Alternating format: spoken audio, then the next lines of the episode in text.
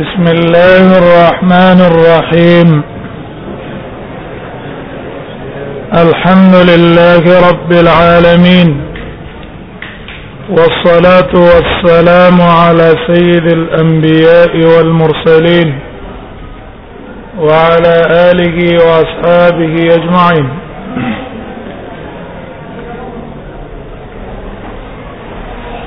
وبه قال حدثنا محمد بن العلاء قال اخبرنا معاويه بن هشام عن يونس بن الحارث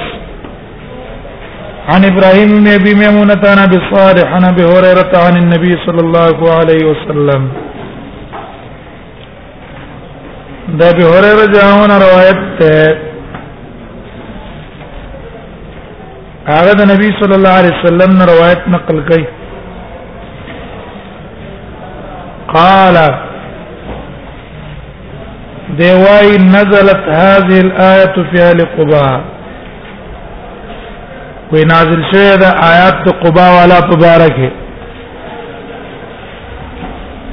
قبا دا په مدینه کې ځای دی رسول الله صلی الله علیه وسلم چې اول هجرت کو نو قبا ته راغی اول ته اول جمعه جوړ کو مسجد قباء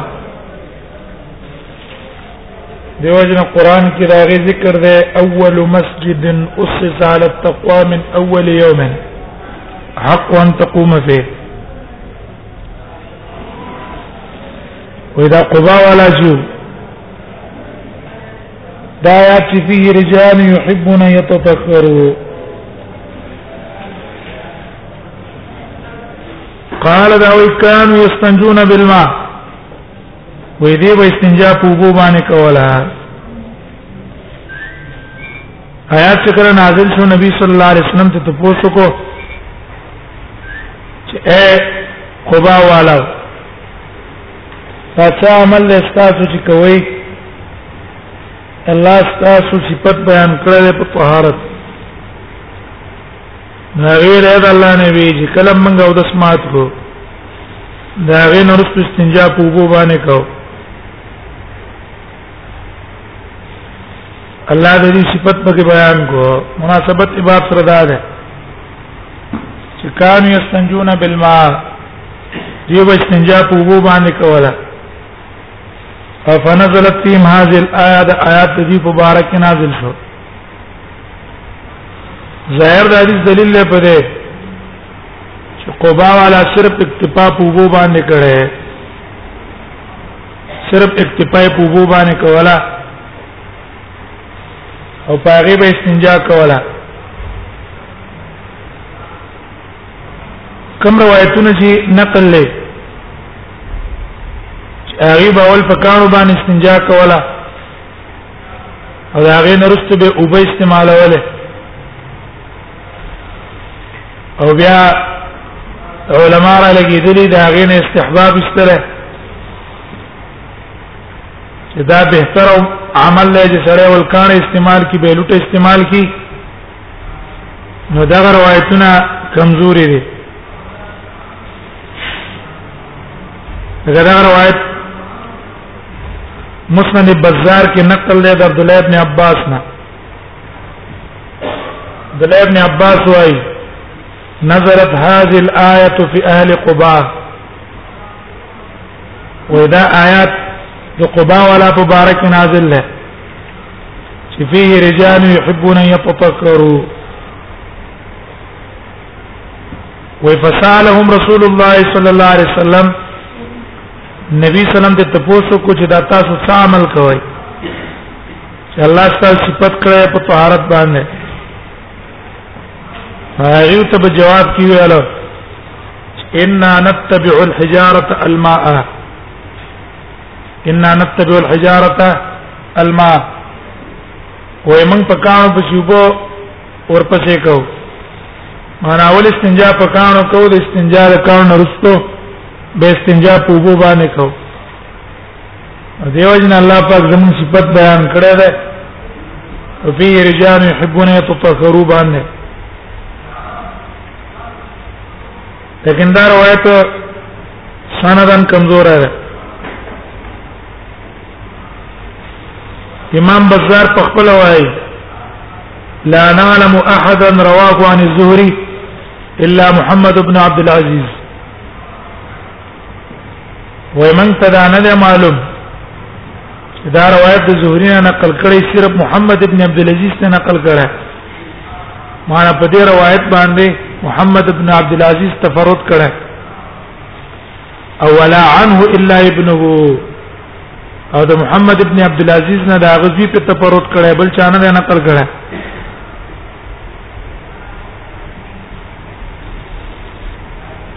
او ابن حجر تلخيص کې وایي ومحمد ابن عبد العزيز ضعف هو ابو حاتم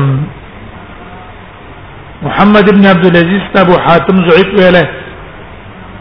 فقال ليس له حديث مستقيم وایي دا حدیث مستقل نه ده محمد ابن عبد العزيز په تفرد کړی دی او محمد ابن عبد العزيز ضعیف دی نو دا وجنه د دا زیادت د ثقه نه دی چې موږ معتبر کو زیادت د ثقه معتبرې او دا زیادت د ثقه نه دی چې موږ معتبر کو ځکه دا ضعیف دی او زیادت د ضعیف په اعتبار نه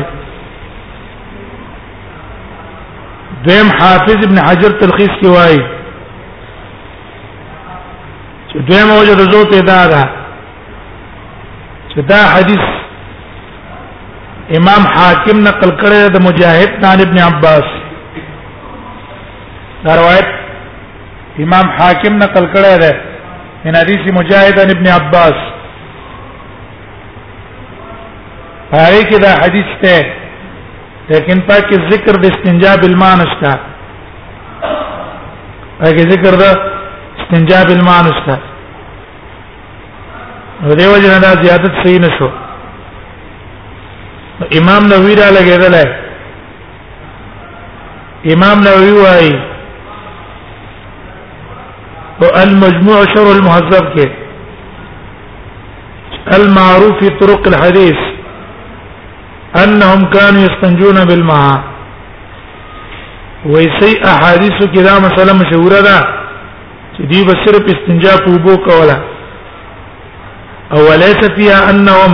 يجمعون بين الماء والاحجار او په حدیث کې دا نشته صراحه چې دې صحابه و دې او ما بین د کانې د وبو دوانو کې جمع کړي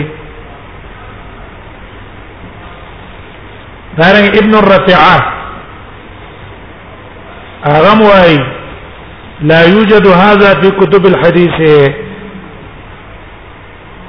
وای په کتابونو د حدیث کې دا نشته دار محب الدین الطبری سے اغم دا ویلی چې چرته په احادیث صحیحو کې دا نه دي ثابت چې صحابه قبا والا کان یو استعمال کړي به رست استنجا په وبو باندې کړي نو پته ولګېدل چې جمع په مابین د احجارو کې او په مابین د اوبو کې لم يثبت من فعله صراحه صراحتا د نبی صلی الله علیه وسلم نه دي ثابت چې ثابت صراحتا نشو نو دا قول کول په استحباب باندې یې مستحب دا ده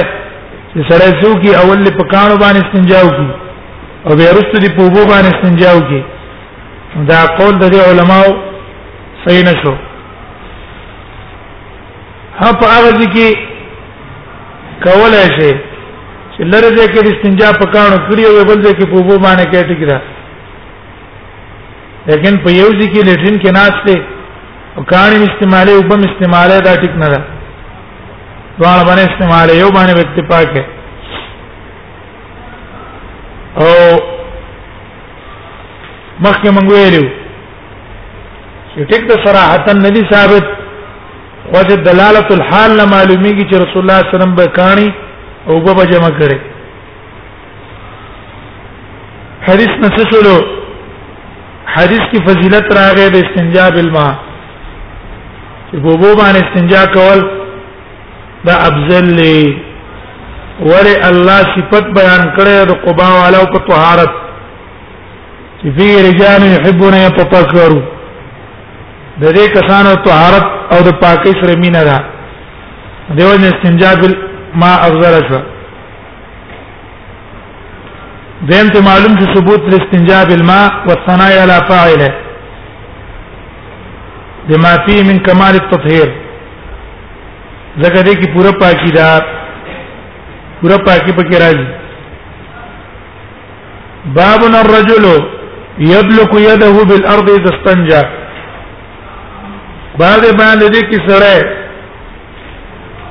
یدلکو مکی لاس خپل بلرد پزمکا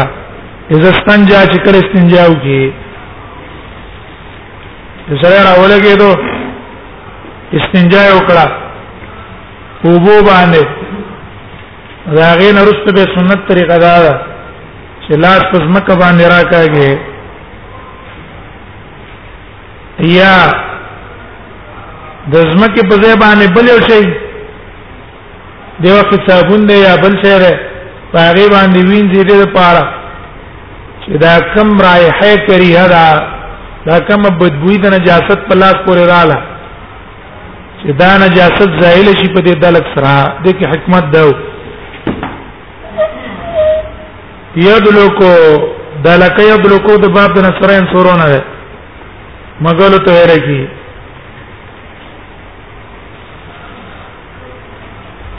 دا دلته یو مسله ده مسله دا ده چې یو انسان په لاس باندې نجاست وینځلو او د دې نجاست د انځرو نه رسته پر لاس بدبوي وا نو آیا د دې بدبوي زایل کول لازم دي پس د زوال د عین النجاست نه کنا یا په یوزي باندې ګندګي د تا په وو وینځلا دا هغه غزاد ختم شو ولیکن بدبوی په کې سم پاتې ده آیا د دې بدبوی ظاهر کول لازم دي کنا لاس پوری بدبوی رااله یا په کپڑا پوری ګن نجاست ته ذات ته ظاهر کو او به بدبوی پاتې ده دې بدبوی ځای له کول ضروری دی کنه دا اختلافي مسله د علماو منځ کې دوه قول دي په دې کې یو قول د علماو دا ده چې يلزم زواله الا ما شق زواله د دې بدبوی ازاله بکې تر څو پورې استاوشي ها کدا غیر ځای لکېدل ګرانی کولای دی نشو بیا خیره دلیل فتقوا الله ما استطعتم ده او د دې ازاله په ځکه ضروري ده چې دا بدبو اصل کې په حقیقت کې اجزاء صغیره دي د پاره د نجاست د دې ګندګۍ واړه واړه اجزا په دې لاس پاتې دي او هغه واړه واړه اجزا د وجنه بدبوي دي چې په نظر نه ښکاري نو دې وجنه دې ازاله ضروری ده ذات د نجاست لا پاتې ده دې وجنه ته به دې ازاله کې دا به ختمه زم قول علماء دا ده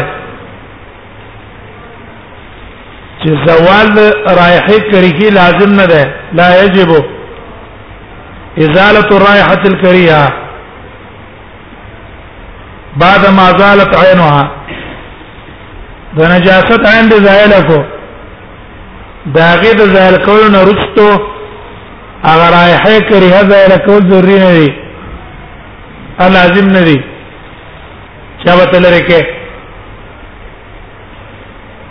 دی علماء دلیل دا ده و اداره هي کریه په حقیقت کې نجاست اجزا نه دي دار هي کریه چې دا کم بدبوی راځي په دې لاس باندې دا په حقیقت کې اجزا د نجاست نه دي بلکې دا بدبوی پیدا شوی دا د وجه د مصاحبت د لاس د دقه نجاست سره د لاس د نجاست سره ولګېدو یو ځای شو دا یو ځای کېدو د نری ته بدبوی رااله کني اجزا په دې استنجا په ټیم کې څه جوړو اجزا د نجاست زایل شو خدا د مصاحبت د وجه د بدبوی راغله نو رسول الله صلی الله علیه وسلم د لاس زمکه راخلو دا دیر پاره چې ازاله درایحه کری راځي وبي قال سنا ابراهيم بن خالد قال حدثنا سعود بن عامر قال حدثنا شريك حا وحدثنا محمد بن عبد الله يعني المخرميه يعني المخرميه قال حدثنا وكيع عن شريك عن ابراهيم بن جرير عن المغيرة عن ابي زرعه انا ابي هريره دلته د سند کې لفظ د مغیره راغله عن المغیره عن ابي زرعه سیدا د جدا خطای د کاتب او دا مغیره سند کې نشته بلکې دا روایت ته ابراهيم بن جرير عن ابي زرعه ابراهيم ابن جرير هغه دا روایت نقل کړی د ابي زرعانه مغیره په کې نشته یو وجه دا ده چې دا خطا ده په سند کې د کاتب د طرف نه دا روایت امام نسائیم راوړه او دا روایت ابن ماجه راوړه او دا غي په سند کې مغیره او ما بین د ابراهیم می جریر او د ابو زرع کې نشته روایت د نسائی او پر روایت د ابن ماجه کې او ما بین د ابراهیم می جریر او د ابو زرع په منځ کې دا مغیره نشته دویم تبرانی را لګیدل امام تبرانی هغه تصریح کړی ده په دې تصریح چې دا حدیث لم يروي عن ابي زرع احد غير ابراهيم بن جرير هذا الحديث لم يروي عن ابي زرع احد غير ابراهيم بن جرير غیر د ابراهيم بن جرير نه دا روایت د ابي زرع نه بل چا نقل کړه نه ده اجه بل چاته نقل کړه نه ده صرف ابراهيم بن جرير ته نقل کړه او پته ولګی چې دا مغیره مغیره ته ذکر کول صحیح نشو دا صحیح نشو مغیره ته لر کول پکار دی دا ګور دلته د ابراهيم چې کوم نه کنه دا ابراهيم ابن جرير دا د ابو زرع غره تر ده ابو زرعه وراره ده او ابراهيم ابن جرير تر ده تر لګیدل ده د وراره نه روایت نقل کړه دته ویل کی روایت الاصابر عن الاكاب روایت الاكابر عن الاصابر مشر کسرا اولګي د کشران روایت نقل کی دلته تر مشر ده تر مشر را لګیدل ده د کشر رارنه روایت نقل کړه ابي هريره عن روایت قال روای كان النبي صلى الله عليه وسلم ونبي صلى الله عليه وسلم اذا اتى الخلاء كلا وشراغ بيت الخلاء اتيته بما ان في تور ما براوړي نبی صلی الله عليه وسلم ته اوبه په تور کې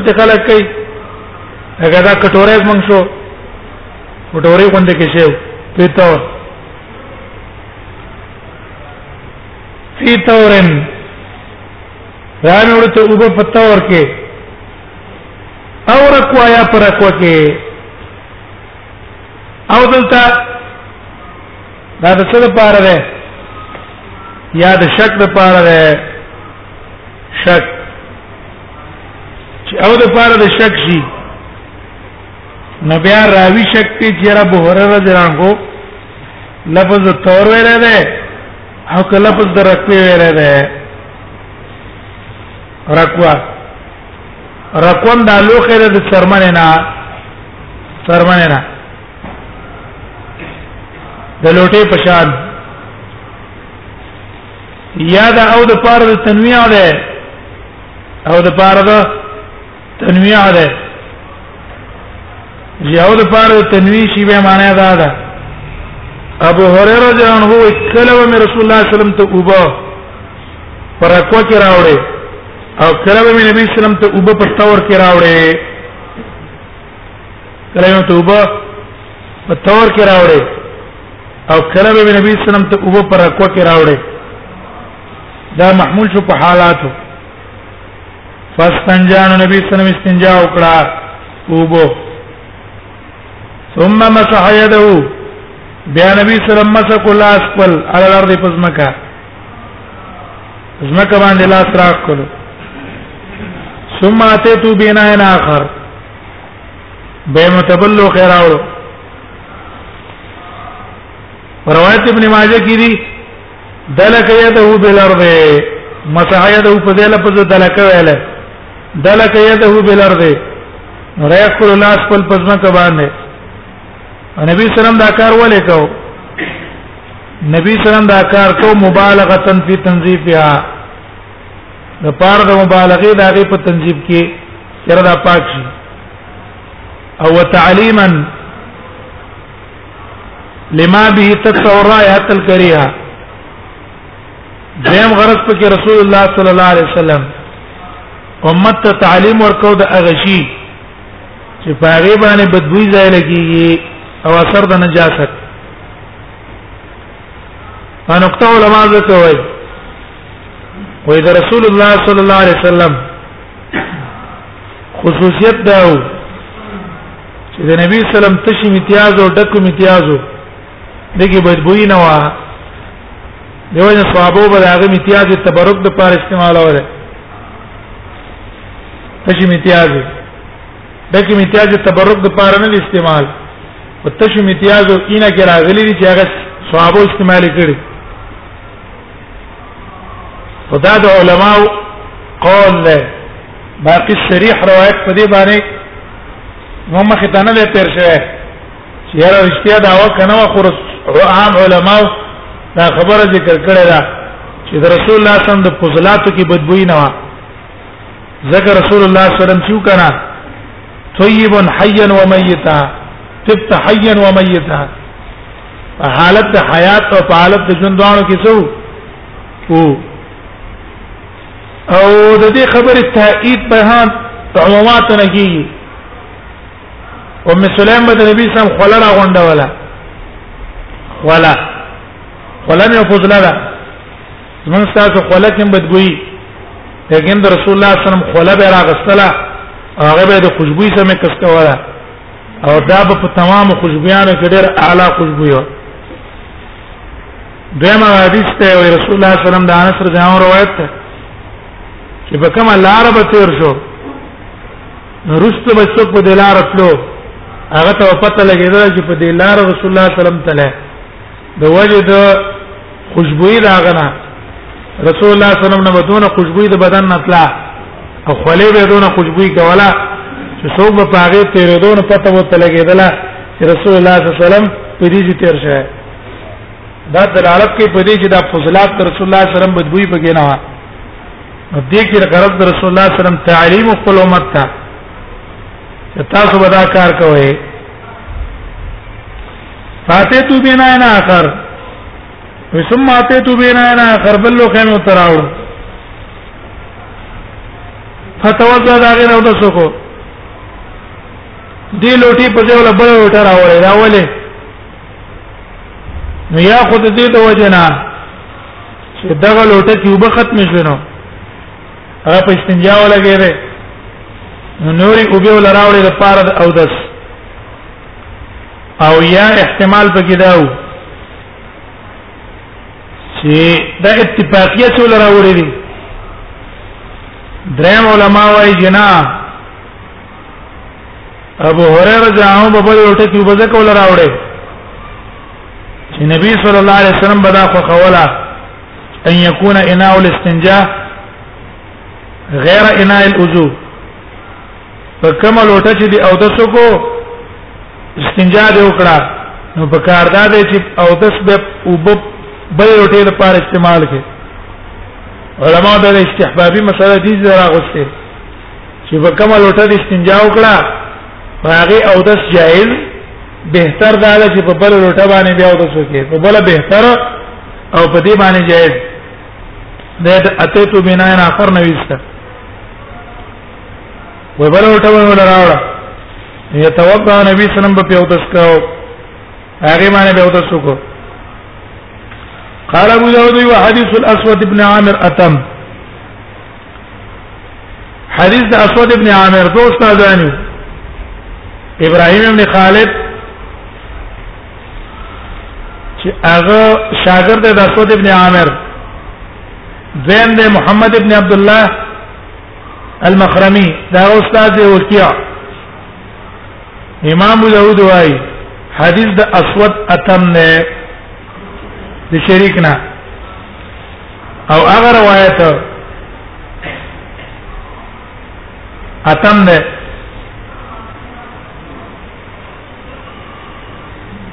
د وکیع روایت شریک نه امام نسائیم راوړل پای کې دا دین نبی سم توضع فلم استنجا دلک یده بل ارض بس دونه ده د وکیع روایت چې وکیع د شریک نه روایت نقل کړه پاکي صرف دون دي امام نسائی دا وړه ان النبي صلی الله علیه وسلم توضا وی نبی صلی الله علیه وسلم اوتو سوکړلو فلم استنجا دلک یده بالارض چې استنجا یو کړه الله سي پسمه کمان راکو ما استفاد من الحديث حدیث نه مسله معلومه شولا استحباب دلک اليد بالارض بعد الفراغ من الاستنجاء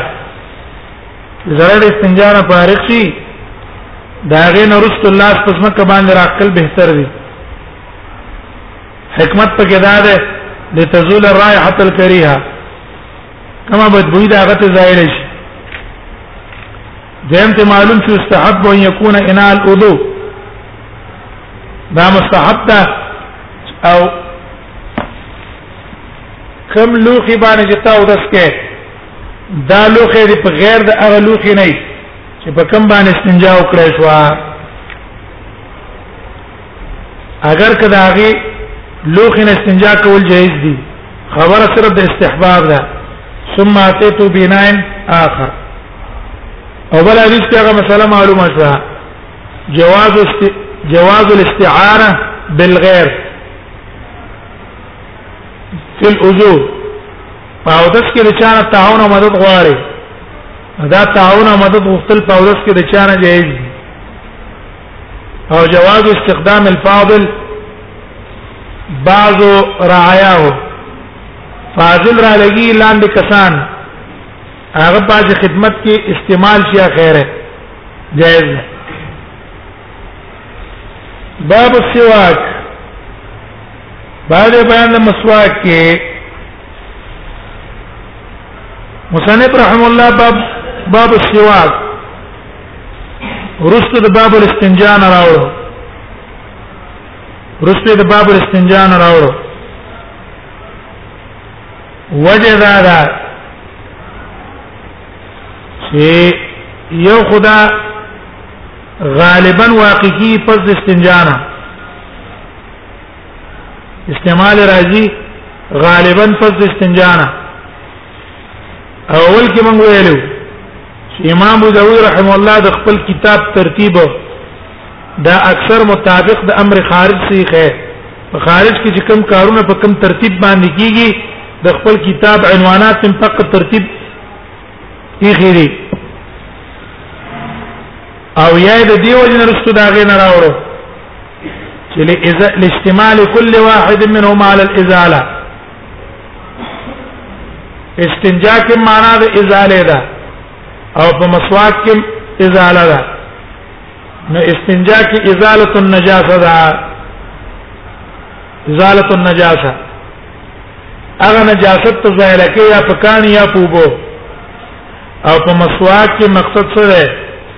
ازاله الرائحه الكريهه من الفم د خلی چې کومه بدبوئی ده هغه ځای له کول دي نو دې ازاله کې دواړه مشترکو نو د دې وجه نه رسته په استنجا په سر راوړو به په او تس باندې مقدم کو وجدادا چې اکثر دا او تس نه مخکې کیږي هغه نه مخکې کیږي بیا سواک احادیث کې اطلاق کله راځي په فعل باندې دا مګل مګل تسوکا معنی سره فعل د مسواک او مسواک استعمال کو او کله اطلاق راځي په آله دلته مراد هم د آله ده تعالی نو دلته ذکر د آله ده چیرې دا مسواک استعمالول کله اطلاق په پیل راځي کله په آله راځي سواک په لغت کې څه ته وایي د ساق یسوق نه ده ساق یسوق لغوي معنی د ادل کو مګل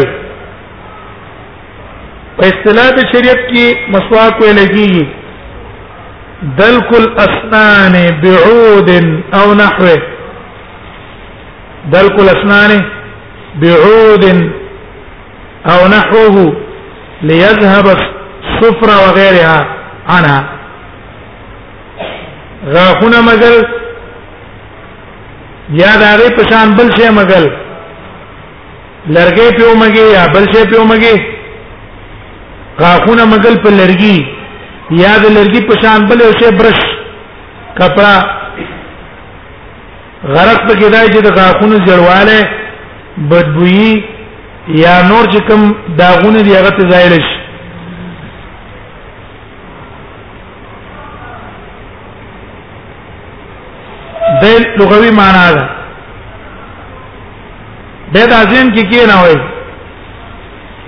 فعل د مسواک په هر شي باندې حاصلېږي برش په استعمال کو په نیت د مسواک مسواک شو د کجوري څنګه دراواغسته استعمال لکړه مسواک شو د توت څنګه د راوغسته استعمال لکو مسواک شو بل لرګې د استعمال کو مسواک شو نه فعل د مسواک او فضیلت د مسواک په ارشی باندې استعمالي ارشی دیو جن علماء دا وایي کله چې سړی ته مسواک نو واکه سره مسواک شته دی نو یو قسم لرګی نشته یا شته دی لیکن تا ته ضرر دی غاخونه دی خوږي غاخ نه نشته ورې دی دا اورې باندې مسواک نه والي کی نو بیا علما وايي چې دا فضیلت د مسواک يحصل بالاصبع وكل خشن طاهر غوتر استعمال کوم فضیلت د مسواک په حاصل شو یا هر هغه ذکر شي چې طاهر یزیل الوسخه خیر زایل کوي او وخت څه کې عند فقد یو فقد اسنانه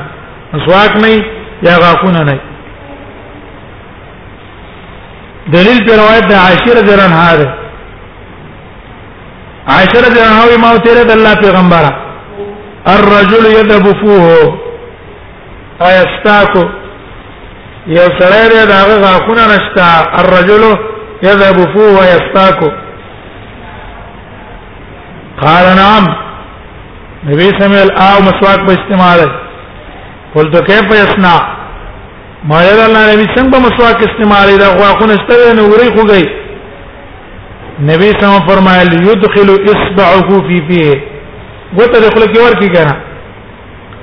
دا روایت د عائشی امام طبرانی راوړل په المعجم الاوسط کې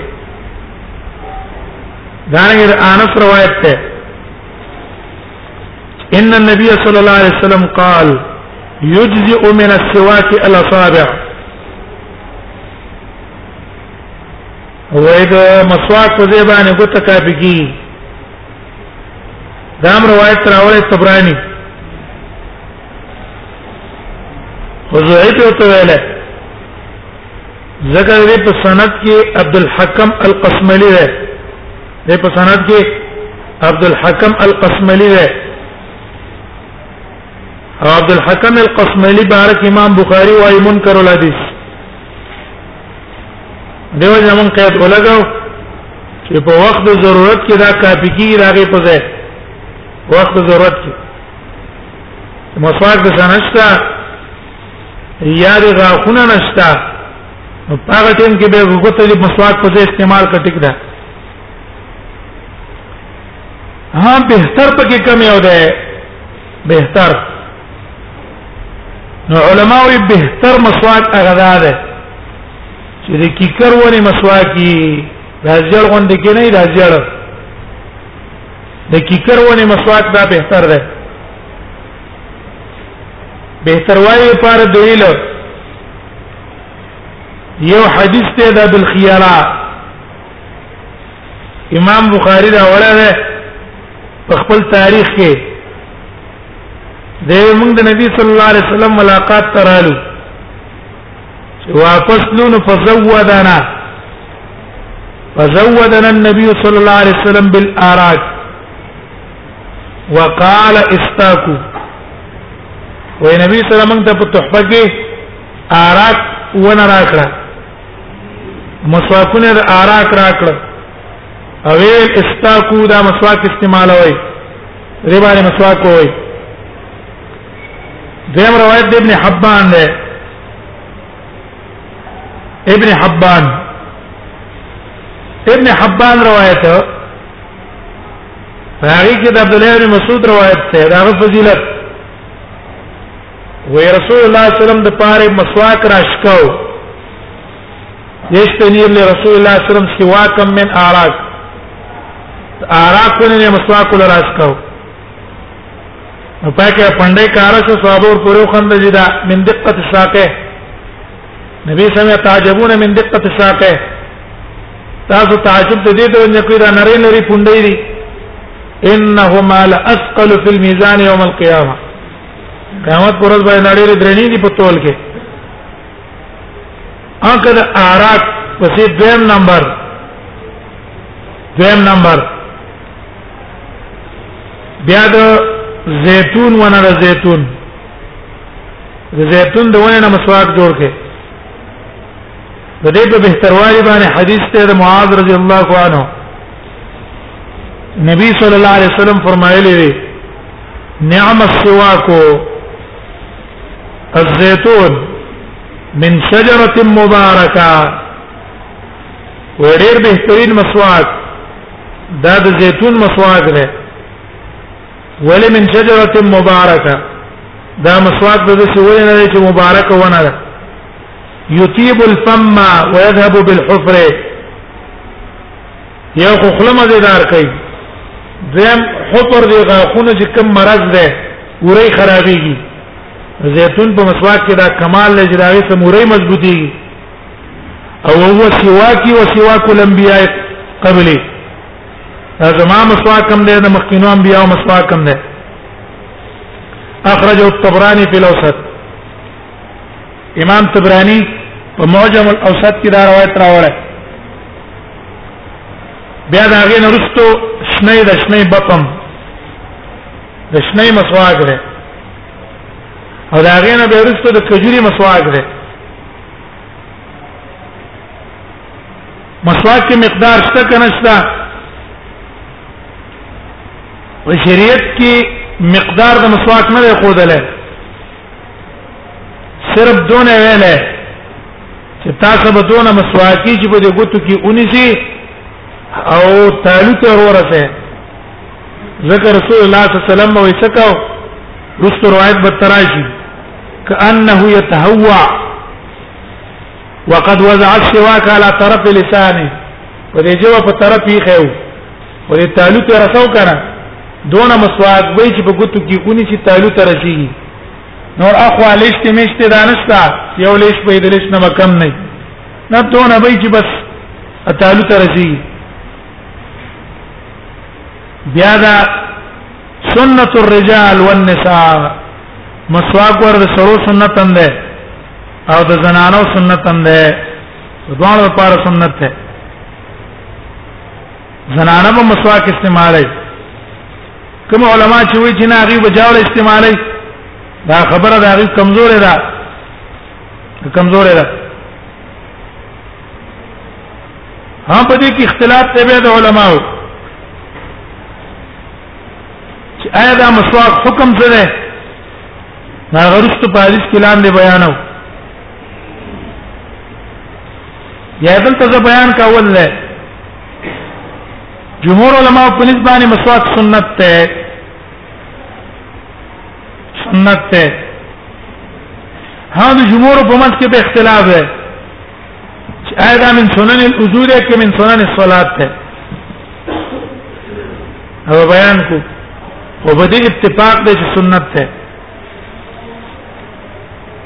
دویم قول د ابن اسحاق ده او امام غزالی ته نقل کړه اسحاق ابن راهوی هغه چې مسواک واجب ده واجب و فمن ترکه عامدا بطلت صلاته د قصدن د مسواک پر قصو خد تر یادو او مسواک د استعمال نکو او منځ د اوکړو به مسواک د منځ باطل نه د داوود ظاهری قول لاره چې دا واجب دی لیکن شرط نه لپاره د صحت د صلات مسواک دی اونکو قصدن ګناګار لیکن منځ په باطلیږي نه نو د اسحاق ابن راهوی په نسبانه شرط د پار د شهادت د صلات چې کله ته یادو او د داوود ظاهری په نسبانه شرط نشو د پار د صحت د صلات خو دعا وایي چې واجب واجب ته پر قصو باندې مجرم او ګناګار دی دیو استدلال نه ولري په هغه حدیثو چې باغې کې امر راغله ده په مسواک نبی صلی الله علیه وسلم په امر کړی په مسواک باندې مثلا روایت ته ابن ماجه او امام احمد راوړل د ابي امامه رضی الله عنه چې رسول الله صلی الله علیه وسلم فرمایي تسوقو تسوقو تاسو مسواک ووي دا رنګ مخکې دا بالخيره روایت شو زودنا رسول الله صلی الله علیه وسلم شجره من آرات فقال استاكو وي مسواک ووي امر پر راغله دریم روایت ته ابن عمر ابن عمر پدې کې دی وی رسول الله صلی الله علیه وسلم فرمایي دی علیکم بالسواک وی مسواک استعمال کړئ زکا چې دا مطيبه للفم ومرضاه للرب دا خلق پاکي او سبب ته پار د رضا د الله اخرجه احمد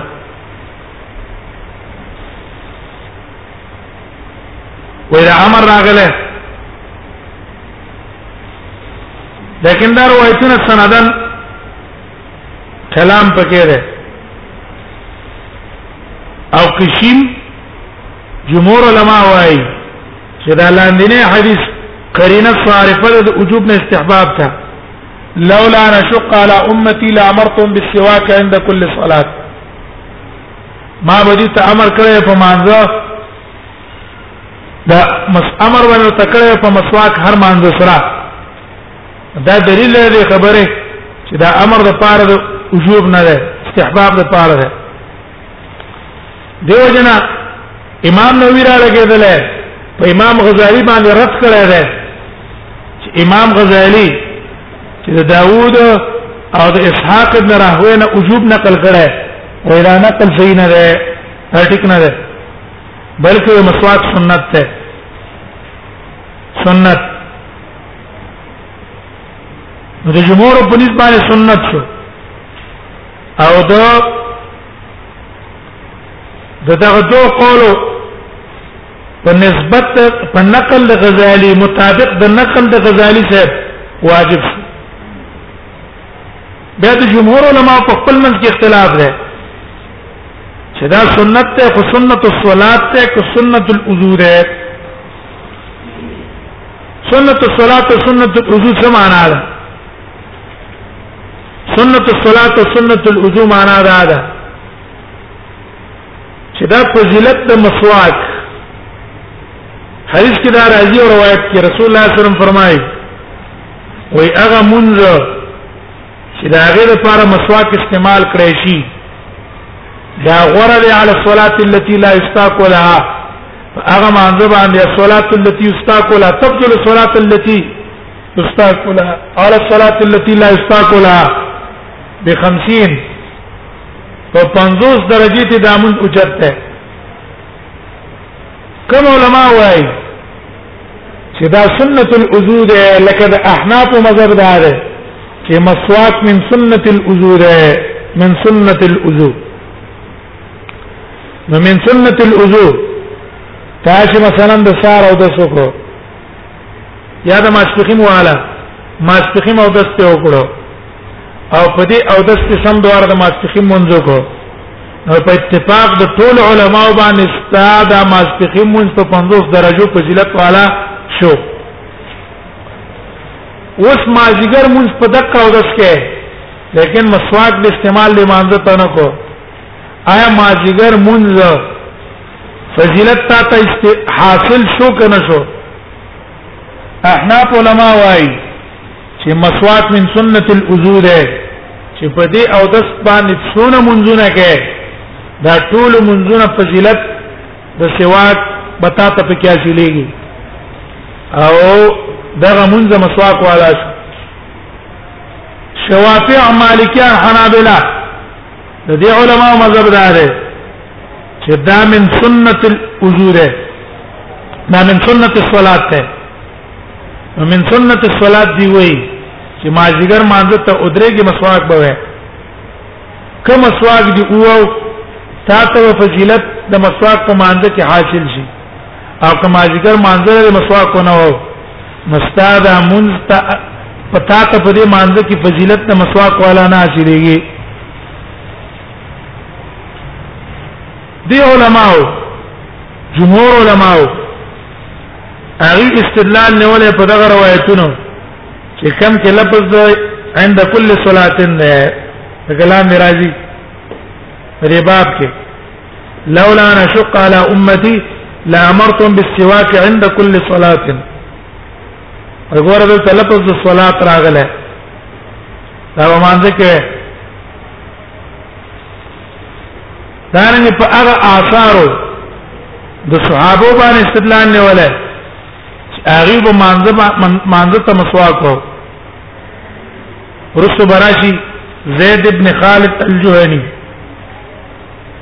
كلما قام الى الصلاه استاك حدیث هم نقل کړه او مانزه ته بچ پاتې دو مسواک به او ابو هريره دا روایت نقل کړه چې صحابه وکړه مانزه ته پاتې دل دا عباده ابن ثابت روایت هم ده کله با مانزه ته پاتې دل نو مسواکونه به وال او زنانو با وې مسواکونه دا په خپل لپټو کې تړلې چې مانځه ته به درې درې مسواک به و دا روایتونه استدلال کړه احناف را لګېدلې هغه استدلال کړه په حدیث باندې چې پاکه لفظ دا وضو راغله لولا انا شق على امتي لامرتهم بالوضوء عند كل لامرتهم بالسواك عند كل وضوء عند كل وضوء دا روایت ابن خزیمه هم راوړه امام حاکم هم راوړه او امام حاکم صحیح الاسناد او امام بخاری دا روایت راوړی دی معلق په کتاب الصوم کې د ابو هريره نه کتاب الصوم کې معلق راوړی د ابو هريره نه ان رسول الله صلی الله علیه وسلم قال لولا نشق على امتي لامرتهم بالصلاه عند كل وضوء او په روایت مسند احمد کې دی لا امرتهم بالسواك عند كل طهور احنا پر لګې دي لري عند كل صلاه کې مضاف مقدر کړي عند وضوء كل صلاه او وجه دا ده چې مسواک په وخت او دس کې پکار دی وخت او داس کې پکار دی او په وخت د مانځ کې نه دی پکار وجه دا ده وې سواک په وخت د صلات کې مزنه جراحه اللثه دې کې ځوان به سن چې انسان اوري زخمی شي او دا خروج د دم دا ناقص ده اندانا نو کله کله به دا مفضي شي حرج ته الته مانځه ته درې دلته وځه او داس مات شي به بچکه نو دیو جن مانځه ټیم کې مسواک نه استعماله او د او داس په ټیم کې به استعمال کې جمهور علما را رګیدلې دي هغه وی دوه د زبان عمل پکار ده دیو جن منګ وایو چې د اختلاف ته ضرورت نشته راجح دا دا چې دا مسواک نه سنت الصلات ته نه سنت الوضو ده بلکې من سنت الدين ده اسجره من سنت الدين ده سنت الوضو نه ده ځان له سنت الصلات نه ده بلکې من سنت الدين ده نو چې من سنت الدين شو په وخت او تسکین دا مستحب ده په وخت مانځ کې مستحب ده خوب نه چې راپاسې دي په ټیم کې مستحب ده عند تغیر رائحه الفم د خلی خوند خراب شو په وخت کې مستحب ده ډېر خبرې چې دي وکړي په ټیم کې مستحب ده دیو جن ابن الحمام صاحب ابن الحمام فتح القدیر والا هغه هم دا قول کړی دی هغه واستحب فی خمسه مواضع په پنځو ټیمو ټیمونو کې مسواک وهل مستحب دی یو د استقرار السن راخ دې جرسی مسواک استعمال کړه پاکې د پاره دیم تغییر الرائحه د خلی خوند خراب شي مسواک استعمال کړه